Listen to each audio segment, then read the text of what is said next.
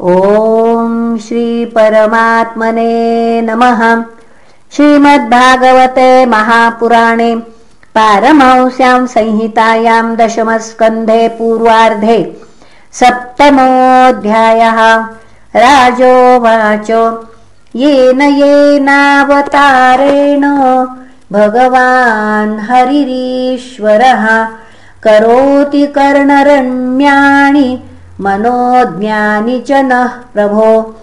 यच्छृण्वतोपैत्यरतिर्वितृष्णा। सत्त्वं च शुद्ध्यत्यचिरेण पुंसः। भक्तिर्हरौ तत्पुरुषे च सख्यम् तदेव हारं वदमन्यसे चेत्। अथान्यदपि कृष्णस्य। तोकाचरितमद्भुतम् मानुषं लोकमासाद्य तज्जातिमनुरुन्धतः। श्रीशुक उवाच कदाचिदौत्थानिककौतुकाप्लवे जन्मरक्षयोगे समवेतयोषिताम्।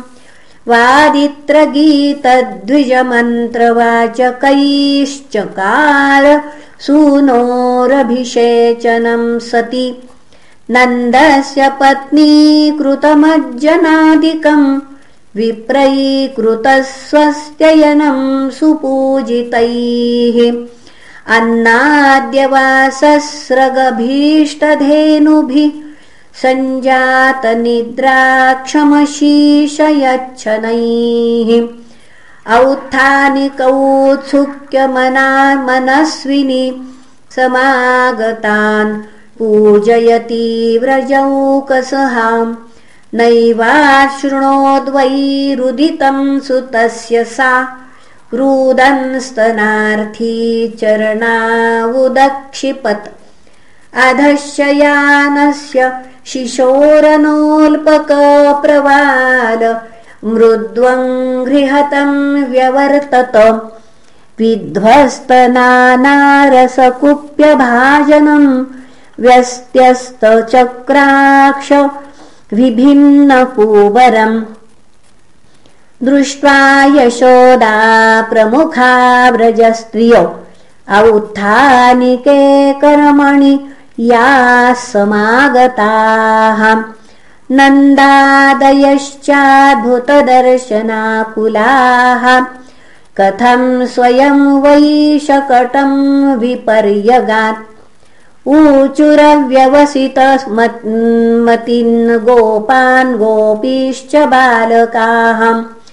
रुदतानेन पादेन क्षिप्तमे तन्न संशयः। न ते श्रद्दधिरे गोपा बालभाषितमित्युत। अप्रमेयम् बलम् तस्य बालकस्य न ते विदुः रुदन्तम् सुतमादाय यशोदाग्रहशङ्किता। कृतस्वस्त्ययनम् विप्रैः सूक्तैः स्तनमापाययत्।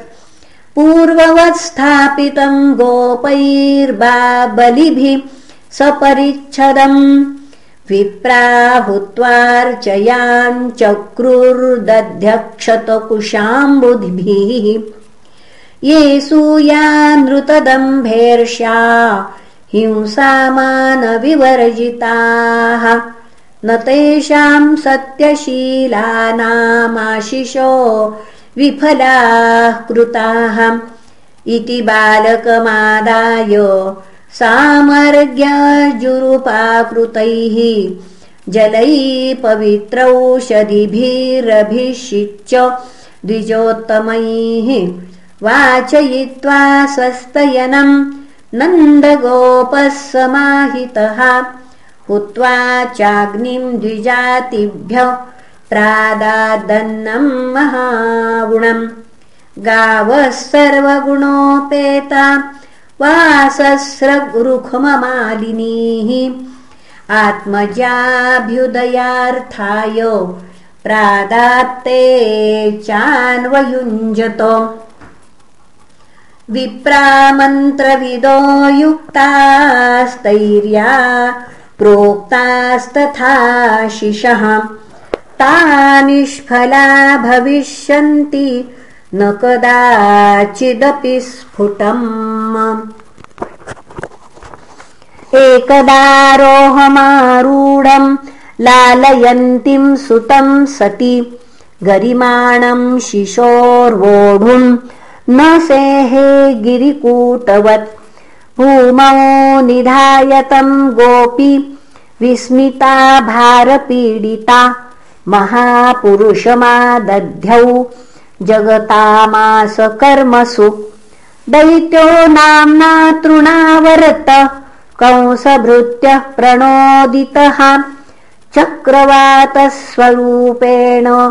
जहारासीनमर्भकम्। गोकुलम् सर्वमावृण्वन् मुष्णौश्चक्षुषिरेणुभिः। ईरयन् सुमहाघोर शब्देन प्रदिशोरिषः।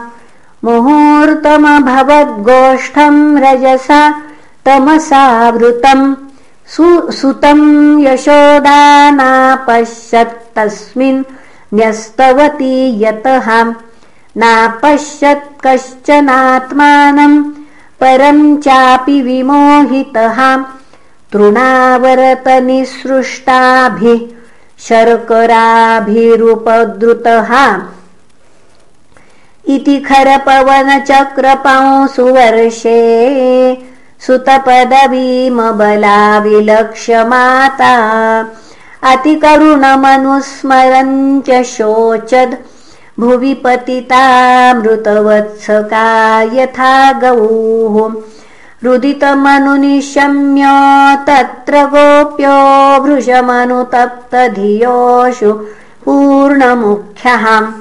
रुरुदुरनुपलभ्य नन्दसूनुम् पवनमुपा पुनः पवन उपारतपांसुवर्षवेगे तृणावरतशान्तरयो वात्यारूपधरोहरन् कृष्णन्न भोगतो गन्तुम् नाशक्नोद्भूरिभारभृत् तमश्मानम् मन्यमान आत्मानो। पुनः तमश्मानम् मन्यमान आत्मनो गुरुमत्तया।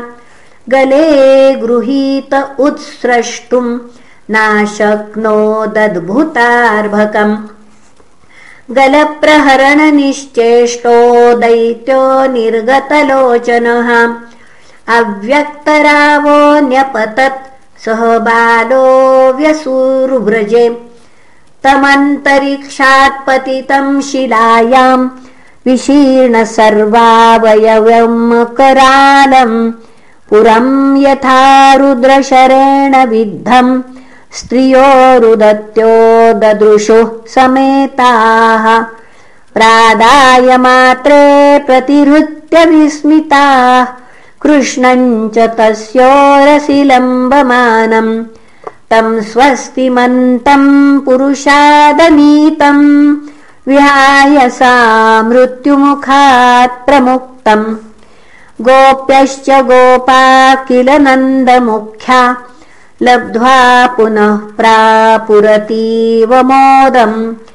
अहो बताद्यद्भुतमेष रक्षसा बालो निवृत्तिम् गमितोऽभ्यगात् पुनः हिंस्रस्वपापेन विहिंस।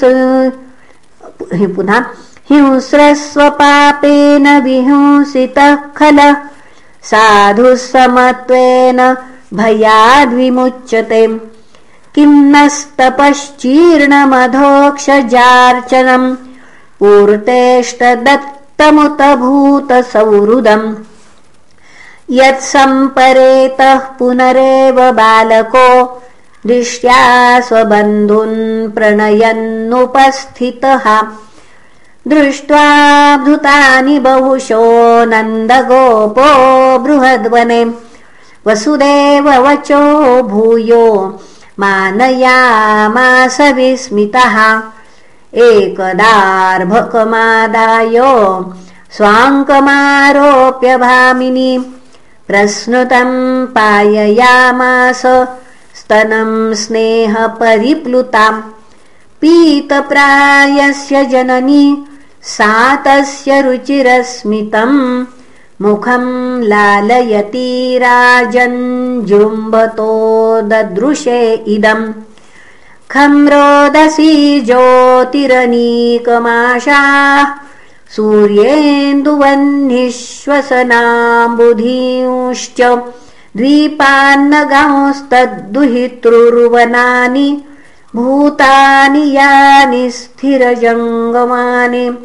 सा विश्वं सहसा राजन् सञ्जातवेपथुः सस्मील्यमृगशावाक्षी नेत्रे आसीत् सुविस्मिता। इति श्रीमद्भागवते महापुराणे पारमहंस्यां संहितायां दशमस्कन्धे पूर्वार्धे तृणावरतमोक्षो नाम सप्तदशोऽध्यायः।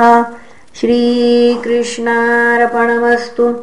हरये नमः हरये नमः हरये नमः